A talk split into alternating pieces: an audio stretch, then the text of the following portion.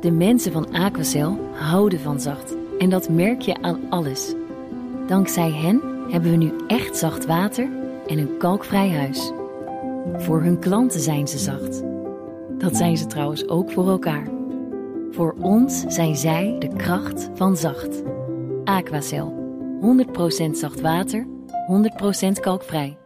Broek. Economenpanel. De nieuwe Britse minister van Financiën draait bijna alle belastingverlagingen van zijn voorganger terug. En het kabinet wil middelgrote en kleine bedrijven helpen om de oplopende energierekening te betalen. Gaat allemaal bespreken in het uh, Economenpanel vandaag met uh, Lucas Daalder, Chief Investment Strategist, strategist bij BlackRock. Strategist, ja, sorry. Het is een moeilijk woord inderdaad. en Luc Apen, hoofdeconoom bij Van Landschot uh, Bankiers. Welkom allebei. Ja, de energierekening voor middelgrote en kleine bedrijven is flink gestegen. Dat merken vooral de bedrijven die veel energie gebruiken. Het kabinet overweegt nu om de helft van die energiekosten te vergoeden... tot een maximumbedrag van 160.000 euro per bedrijf. Ja, eindelijk, uh, eindelijk is het zover, of hadden ze dat toch beter niet kunnen doen? Moeilijk, hè? Uh, je, ziet het, je, ziet het overal, in heel, heel Europa zie je dat soort, dat soort maatregelen. Hè? Um, en ja, de, de, de, de zuivere economie die zegt van jammer, er is een, er is een schok. Uh, ondernemer, uh, pas je maar aan. Hè, en dan krijg je creatieve destructie. Ja, dan ga je misschien energie bezuinigen, ga je misschien investeren in duurzaamheid. Nu, je hebt na de pandemie had je al een externe schok. Is het al gebeurd? Nu heb je opnieuw een externe schok. Dus ik begrijp het wel. Maar wat vooral belangrijk is, is als je die steun nu denk ik op korte termijn geeft, dat je voor de langere termijn ja, je financiën op orde hebt. En dat je het eigenlijk die kosten spreidt op op die, uh, op die langere termijn. Dus nu krijg je of nu deel je uit. Ja. Maar op langere termijn moet het links of rechts ergens gecompenseerd worden. En vooral dat is een probleem, denk ik. Ja, dat is nog heel erg onduidelijk natuurlijk. Ja, het is heel veel, open, heel veel onduidelijk. Ja. En vooral, vooral dat, dat vind ik misschien nog belangrijker of crucialer dan, ja, is het uh, 160.000 of 170.000 of uh, 150. Maar op enig moment moet die markt wel terug opnieuw kunnen werken, natuurlijk. Moeten daar, ja, en dan zullen er wellicht slachtoffers vallen. Lucas? Ja, grotendeels meens. Ik bedoel, uh, je kijkt ernaar en je denkt van ja, het doet pijn, we moeten wel iets. Maar aan de andere kant uh, is het natuurlijk ook weer niet heel erg gericht. Uh, we hebben nu een plan wat op tafel ligt voor de meest energie-intensieve uh, bedrijven. Yeah. Ja, ik vraag me af of dat nou eigenlijk zo, zo doelmatig is. Ik zou zeggen, richt je vooral op die bedrijven die inderdaad noodzakelijk zijn. En als die toevallig energie-intensief zijn, zwaar. Kijk, een goed voorbeeld is natuurlijk dat iedereen roept: ja, de bakker die overleeft niet meer. Nou goed, als de bakker niet overleeft, moet je zorgen dat hij inderdaad iets van steun krijgt, zodat hij nog wel in de lucht blijft. Nou ja, je ziet hier en daar al berichten over bakkers die na hele lange tijd ermee stoppen, ja. omdat ze het niet meer kunnen bolwerken. Ja, goed, daarvoor kun je zeggen van oké, okay, dat, dat he, ja, dient een heel duidelijk doel. Als alle bakkers wegvallen, dan hebben we een groot probleem. Ja. Dus laten we dat overeind houden. Maar er zijn natuurlijk ook intensieve, uh, uh, in, uh, energie-intensieve industrieën waarvan je kan afvragen van ja. Zitten we daar nou, is het daar echt noodzakelijk? Dus denk aan een sauna, denk aan de glas- en tuinbouw. Dus het zou eigenlijk meer gerichter moeten? Nou ja, dat, in, in plaats dat van het elk mijn, bedrijf... mijn insteek zou zijn van Ja. zorg dat uh, overeind blijft wat overeind moet blijven... om die economie zeg maar, een beetje te laten draaien... zodat mensen niet in, uh, inderdaad zonder brood komen te zitten. Maar uh, de, de definitie is natuurlijk toch wel wat vreemd... dat je nu alleen die energie-intensieve bedrijven gaat... dat zou juist degene...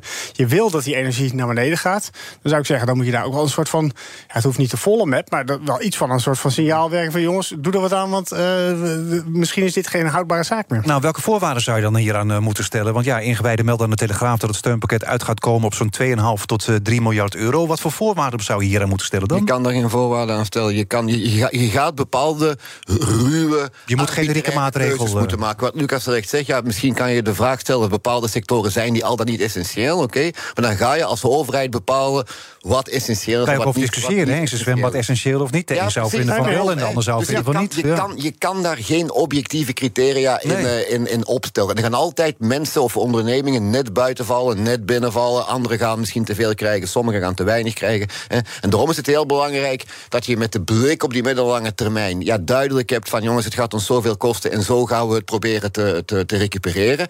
En het is een tijdelijke, zo gericht mogelijke maatregel, als dat al kan. Hè. Maar een tijdelijke, een tijdelijke maatregel. En in de tussenperiode ja, gaat die vrije markt die creatieve destructie, waar we het net al over hadden, ja, gaat die moeten kunnen blijven werken. En dat klinkt heel hard. Maar, maar gaat hij wel blijven werken, inderdaad, als je, als je dan deze steun uh, krijgt? Van ja, die energiekosten, 12,5% van de omzet moet het dan bedragen. Dan zou een bedrijf dan inderdaad aanmerking, in aanmerking komen ja. voor, uh, voor, voor, voor steun. Maar er zullen misschien ook bedrijven nu gaan overleven hierdoor. De, die ja, misschien normaal niet zouden overleven. Gaat, of, je gaat of misschien geen toekomst hebben. Nee, ongetwijfeld links of rechts ga je wat bijkomende zombie-ondernemingen creëren. Zoals die al een stuk gecreëerd zijn door het ruime monetaire beleid sinds ja, een decennium of meer dan een decennium.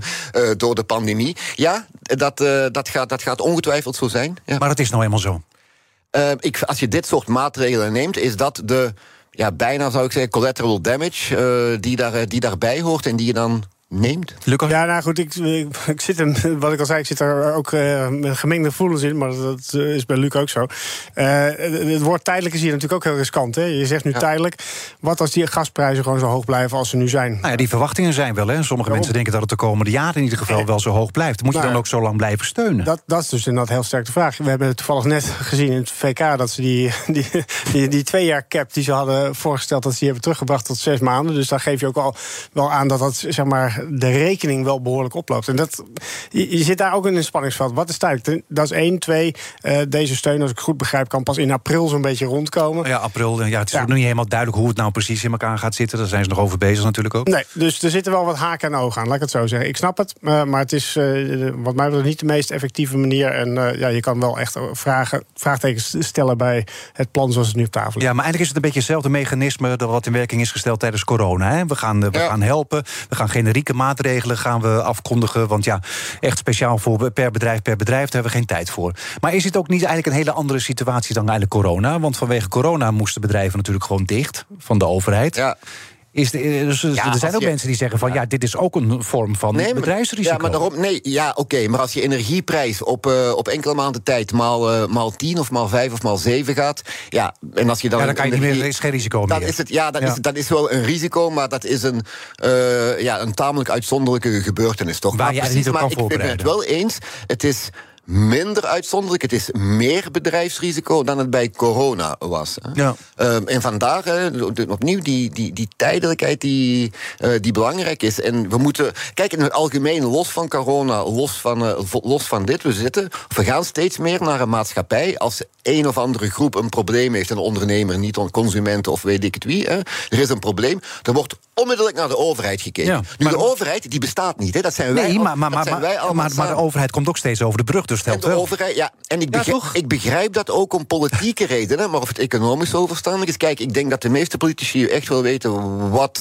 ze zouden moeten doen in theorie. Probleem is dan om te weten hoe je herverkozen moet worden. hè. Nee, maar goed, ik En die, is- druk- en die tweespalt, ja, die naarmate er elke keer een crisis is, zeker met een externe schok, ja, dat dilemma, ja, dat uitziet dan nog veel scherper dan in normale tijden. Ja, de druk van de, van de Tweede Kamer en van de samenleving is er natuurlijk. Veel mensen kijken natuurlijk ook eh, naar de, de overheid. Hoe zou je dat kunnen doorbreken? Want inderdaad, ik bedoel, we kunnen niet bij, eh, bij elk akkefietje... nou ja, dit, is, dit zijn wel allemaal grote akkefietjes met een hoofdletter A. Hoofdletter A, dat- Ik bedoel dat de overheid moet gaan compenseren. Maar ik denk dat dat op, op, eh, ja, een beetje als het niet van wal dan het schip komt. eh, je ziet eigenlijk een beetje wat er nu in, in het VK gebeurt, is hoe het gekeerd wordt Door, door de markt. door de markt, financiële markt. Die, er is duidelijk een, een grens, een limiet eh, waar je op een gegeven moment tegenaan loopt dat je niet alles kan financieren. En dan zegt de markt van, hou, wacht eens eventjes. Ja, en dan zie je dus inderdaad dat stimuleringspakketten opeens toch wat eh, ja, minder makkelijk worden doorgevoerd, sterker nog teruggedraaid worden. Ja, nu, ze- nu zei Arnold Boot in onze macro-rubriek... de minister van Financiën moet ergens een streep trekken... Ja. want dit beleid wakkert ook inflatie aan... en het gaat maar door en Kaag weet niet eens hoe groot haar begrotingsgat is. Ja, maar je ziet het in, eh, in heel veel landen. Hè. En hoe kan je dat oplossen? Ja, misschien een heel abstracte term en misschien heel flauw. Maar leiderschap, visie en een project. Hè. En een visie bijvoorbeeld over wat zijn kern, kerntaken van een overheid. Wat zijn geen kerntaken van een overheid. En een project op middellange termijn, een stip aan de horizon. Waarvan je ook eerlijk zegt van jongens, het gaat dat en dat op termijn opbrengen. Maar in de tussenperiode gaat het ons dit, dat, zus en zo kosten aan die en die groepen. En we gaan proberen dat zo te realiseren. Dat klinkt misschien heel ouderwets, dat klinkt misschien heel abstract. Maar eigenlijk is dat. Eh, zou dat eh, volgens het, eh, het theorieboekje, denk ik, de weg naar, naar een oplossing zijn? En wat gaat het steunpakket betekenen voor de inflatie?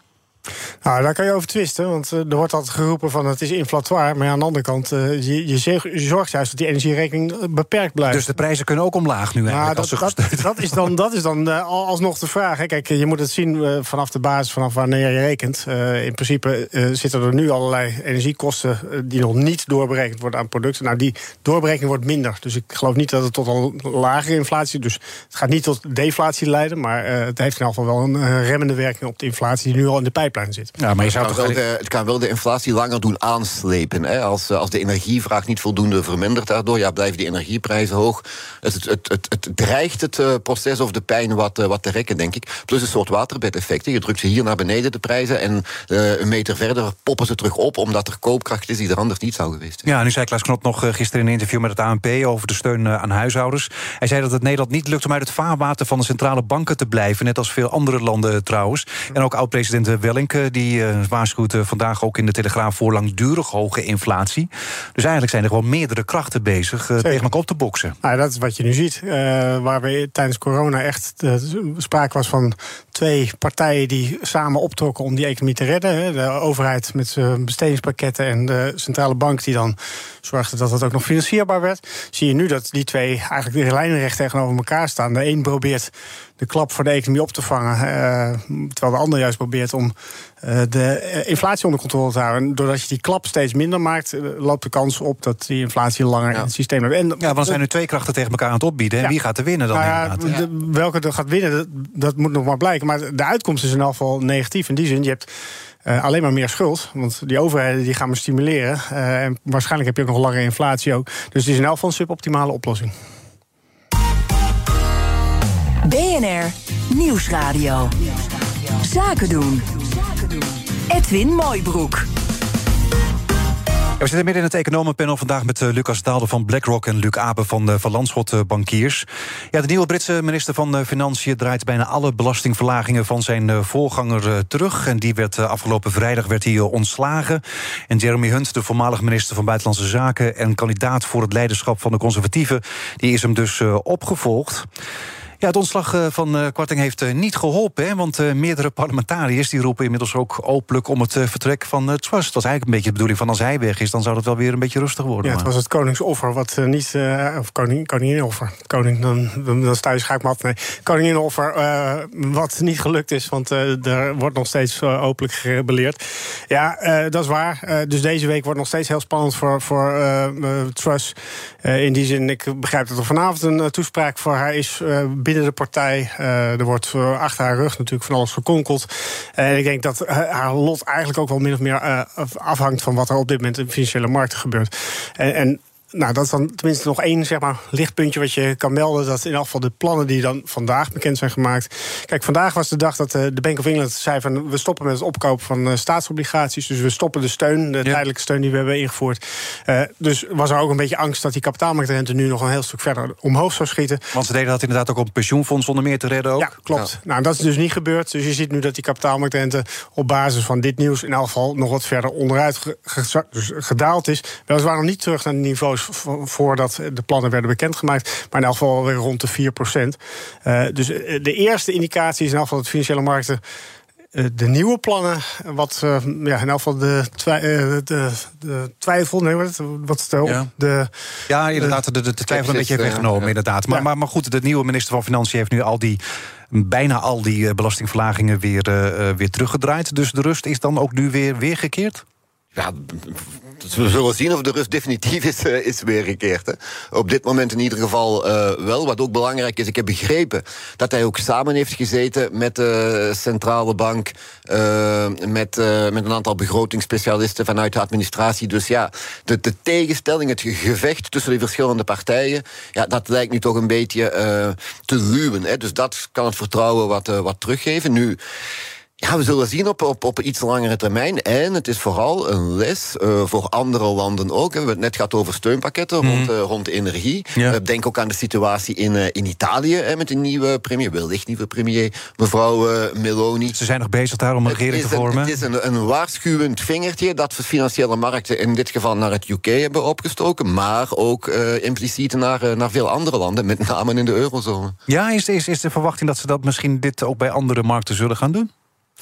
Nou, niet in die orde en vorm en mate, mag ik hopen. Maar ja, je weet het dat was eigenlijk opmerkelijk ook dat, dat, dat, dat de markt eigenlijk zo reageerde op, de, op dit. En dat ze eigenlijk toch ervoor gezorgd hebben dat die uh, ja, minister van Financiën werd ontslagen. Ja, nou, en dat eigenlijk het hele beleid weer teruggedraaid. Er was hier een, natuurlijk heel specifiek een technische factor die het zaakje versterkte. Dus je kreeg een soort van uh, neerwaartse spiraal met de kapitaalmarktrente die elke keer hoger ging. Waardoor er nog meer verkopers op de markt kwamen. Waardoor die kapitaalmarktrente nog verder omhoog werd gejaagd. dat is wel technisch. En dat, ik denk dat dat ook wel heel specifiek voor het VK is. Dus dat zie ik in Europa niet zo heel snel gebeuren. Niet in die vorm. Hè. Maar ja, goed, er ligt hier inderdaad wel een heel duidelijk voorbeeld. Van, uh, je kan niet eindeloos uh, je plannen ongedekt uh, in die markt proberen te verkopen. Je moet kopers hebben. En ja. dat is natuurlijk wel wat dit voorbeeld heel duidelijk heeft gemaakt. En ja, inderdaad ook wel de waarschuwing voor de rest van Europa. En ik denk ook voor, op een gegeven moment voor Amerika is. Ja, maar, maar, maar, maar ook voor Nederland. Hè? Ik bedoel, bij ons is het ook nog helemaal niet duidelijk hoe al die compensatiemaatregelen nee, worden Het ene land is kwetsbaarder dan het andere. Hè. Als je kijkt het VK vergelijkt met Nederland, uh, de staatsgoed is ongeveer de helft in Nederland, denk ik. Dus het ene land is kwetsbaarder dan het andere. Maar ja, als, uh, als, uh, als de, de vlam in de pan slaagt, ja, dan, dan is er de fallout naar, naar overal natuurlijk. Ja, maar goed, als je nog even kijkt naar het Ze zitten nog steeds naar de hele ideologie zegt verlaag belastingen voor bedrijven en de rijke mensen. En dan druppelt het vanzelf wel de economie ja. in. Dat was in ieder geval de bedoeling. Moeten dan de markten toch niet een beetje beducht blijven, zolang zij nog aan het roer zit? Ja, natuurlijk. En die, dat zijn die zogenaamde trickle-down economics. Hè? Ja, die, uh, ze stond wel een beetje alleen in natuurlijk. Dat heeft nog nergens gewerkt. Hè? Dus dat, is, uh, dat is meer ideologie dan economie. Uh, maar zolang inderdaad dat zij er zit, moeten markten beducht zijn. Nu, voor de Britse politiek moet je de laatste jaren altijd beducht zijn. Los van mevrouw Truss ja. of, of niet. Het is ook een, een accumulatie, een optelsom van een hele reeks dingen... die er sinds 2015, 16 gebeurd zijn. Maar je kan ook zeggen, inderdaad, het is ook wel opmerkelijk... dat de markt zo sterk reageerde. Want over het algemeen zijn bedrijven toch wel blij met een lagere belasting natuurlijk. En, maar zij zagen dit idee uh, niet zitten ook. Nou, dat is niet de bedrijven. Je, bedoel, je, je, je, je pompt meer schuld in de, in de markt. En iemand moet het kopen. Ja, als niemand dat koopt, dan zie je automatisch dat de prijs die daarvoor betaald moet worden... dat is de kapitaalmarkt, dat die omhoog gaat. Ja. Dus dat is wat er gebeurd is. Uh, ja, en dan uh, zit je op een gegeven moment tegen problemen. Ja, allerlei problemen. Je hebt natuurlijk als overheid heb je een probleem. Je moet je uitstaande schuld tegen een hogere kapitaalmarkt gaan herfinancieren... wat heel veel geld kost. Maar veel pijnlijker is natuurlijk ook de hypotheekmarkt in het VK. Ja, ja uh, want, want, daar hebben ze meestal kortlopende rentes. Uh, dus die rente, rentes. die rente gaat flink ja. omhoog. Dus ja. veel mensen hebben zo meteen een probleem. Ja, maar het is, vooral, het is vooral een signaal ook, denk ik, dat ja, we, we gaan of we zitten in een ander tijdsgevricht. Hè. Die vorige crisis die we hebben meegemaakt, de bankencrisis, de eurocrisis, de pandemie daarna. Ja, eigenlijk achteraf bekeken, en ik ga heel kort op de bocht nu, hè, was dat tamelijk makkelijk op te lossen.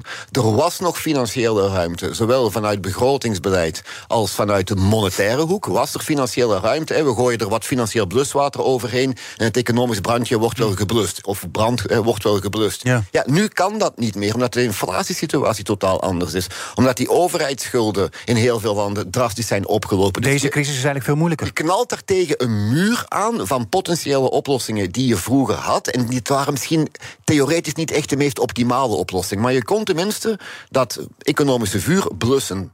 Je had blus, financieel bluswater. Het bluswater is op. En? Wat, en wat, wat is het gevolg daarvan dan? Het, uh, het, uh, het volgende is dat je, uh, waar we het net over hadden, dat je naar een geloofwaardige begroting moet. En dat betekent niet onmiddellijk dat je naar een, een, een normpje zet van 3% en daar volgend jaar al bij moet zijn, maar wel een geloofwaardig pad naar Dat je daar naartoe norm. gaat. Ja, ja, dat je daar naartoe gaat, ja. Je kan niet het verleden, voorbije 20 jaar, kan je niet van vandaag op morgen zomaar uitwissen. Ja. Maar je hebt wel een pad naar de toekomst toe met een geloofwaardig traject. Ja, is er permanente schade trouwens uh, voor het Verenigd Koninkrijk? Want sommige mensen zeiden al van ze zijn toch een beetje een soort van ontwikkelingsland geworden. Ach, elke, elke, uh, elke klap die het VK krijgt is semi-permanent. Dus uh, Brexit was denk ik ook ja, niet permanent, maar wel semi-permanent. Het, het, helpt allemaal niet, hoe je het ook bent of keert. Dus het groeipotentieel van het VK ligt in vergelijking met andere landen alsmaar al lager. Het hele idee van Liz Truss was daar om iets aan, aan te doen. Hè, de, de zaak te, te stimuleren, zodat we eindelijk weer eens wat hogere groei zouden zien. Nou, ja, het omgekeerde is het geval. Uh, je ziet nu dat de hele huizenmarkt in de problemen komt. Heel veel consumenten in de problemen komen. Nou, je ziet dus nu ook zelfs dat die energietoeslag die ze voor twee jaar hadden vastgezet, dat die eigenlijk na zes maanden alweer wordt teruggedraaid. -hmm. Dat zijn allemaal factoren die ertoe leiden dat de economische vooruitzichten voor het VK er echt niet beter op geworden zijn. Oké, nou dat belooft eh, niet veel goeds. Nou, een ander onderwerp dan. Er zitten nog eh, te veel fouten in de uitgaven die de Europese Commissie doet. Ten behoeve van eh, projecten voor onder meer landbouw, plattelandsontwikkeling, innovatie en milieu. Blijkt uit ja, verslag van de Europese Rekenkamer. Verbazen jullie dat of hebben jullie zelf ook wel zo'n foutje in je eigen begroting? Goeie vraag. Ja, daar eh, kan ik niet op antwoorden. Kun je je eigen begroting wel eens af? Je eigen ja, uitgaven? Dat, ja, dat heb ik ook wel eens Ik, ik, heb er nooit zo specifiek naar gekeken dat ik kon zeggen dat ik 3% ernaast zat. Dat, dat, dat, niet. Nee, okay, nee maar het is bij, bij, bij zo'n moloch als de Europese Unie ja, is dat wel relatief normaal. Wat niet wil zeggen dat je het moet goedkeuren. Maar, hoe, kan, hoe eh, kan zoiets dan? Ik bedoel dat het relatief normaal is. Dat je, dat je gewoon 3% van je uitgeeft. Loop in Europa, loop in de eurozone rond. En dan zie je af en toe, stel je bent in de bergen aan het wandelen, zie je daar plotseling een wandelpad of fietspad met een groot mooi blauw bocht naast Mede mogelijk gemaakt. Mede mogelijk gemaakt. Dan denk je daar, bedoel... Ja, dus in de middle of nowhere. maar dat, dat, is geen misser. Dat, dat is bewust beleid geweest. Nee, oké, maar dat toont, dat toont ook al aan... Dat en als we het bonnetje maar hebben dan inderdaad. Dat toont ook aan dat de regels heel ruim kunnen geïnterpreteerd worden. En als je uh, regels ruim laat interpreteren... ja, als je dat achteraf gaat nakijken... dan ga je bepaalde dingen zien die misschien alsnog niet de, de bedoeling zijn geweest. Nu, dat gaat de komende jaren, dat cijfer gaat enkel toenemen in plaats van afnemen. Oh Als je kijkt naar de rol die overheden, en zeker ook Europa, uh, opneemt steeds meer te midden de economie, strekt steeds meer naar zich toe. Als je steeds meer naar, zich, naar je toe trekt en je bent al zo'n gigantische uh, organisatie, ja, dan gaat dat soort zaken waarvan je achteraf kan zeggen was dat wel echt de bedoeling, die 100 euro aan dat project of projectje? Het gaat enkel toenemen. Ja, dat is toch een het is wel belastinggeld, hè? Ja, er zit nog een extra risico aan vast dat de steun, een groot deel van de steun, een aanzienlijk deel van de steun de afgelopen jaren echt een beetje een soort noodprogramma's zijn geweest. En dat is natuurlijk een ander kanaal waarvan je kan afvragen. En misschien ook ingewikkeld, of misschien is het geld inderdaad eh, eerst al uitgegeven, eerst al uitgekeerd. En dan, en dan is er misschien, zijn misschien niet alle bonnetjes dus, teruggekomen. Nee, dus daar zit echt een groter afbreukrisico aan vast. Zeker. Ja, maar ze zullen wel hun leven moeten beteren, natuurlijk ook voor het vertrouwen in. Uh, nou, dat doen ze nu drie jaar op rij niet. Dus uh, het, wachten blijft dat ze het een keertje wel doen. Oh, Oké, dank jullie wel uh, voor jullie komst. Uh, Lucas Daalder van BlackRock en Luc Aben, hoofdeconoom bij Van Landschap Bankiers. Zometeen is het tijd voor de dagelijkse Oekraïne-update met Bernard Hammelburg. Blijf luisteren. De mensen van Aquacel houden van zacht. En dat merk je aan alles. Dankzij hen hebben we nu echt zacht water en een kalkvrij huis. Voor hun klanten zijn ze zacht. Dat zijn ze trouwens ook voor elkaar. Voor ons zijn zij de kracht van zacht. Aquacel. 100% zacht water, 100% kalkvrij.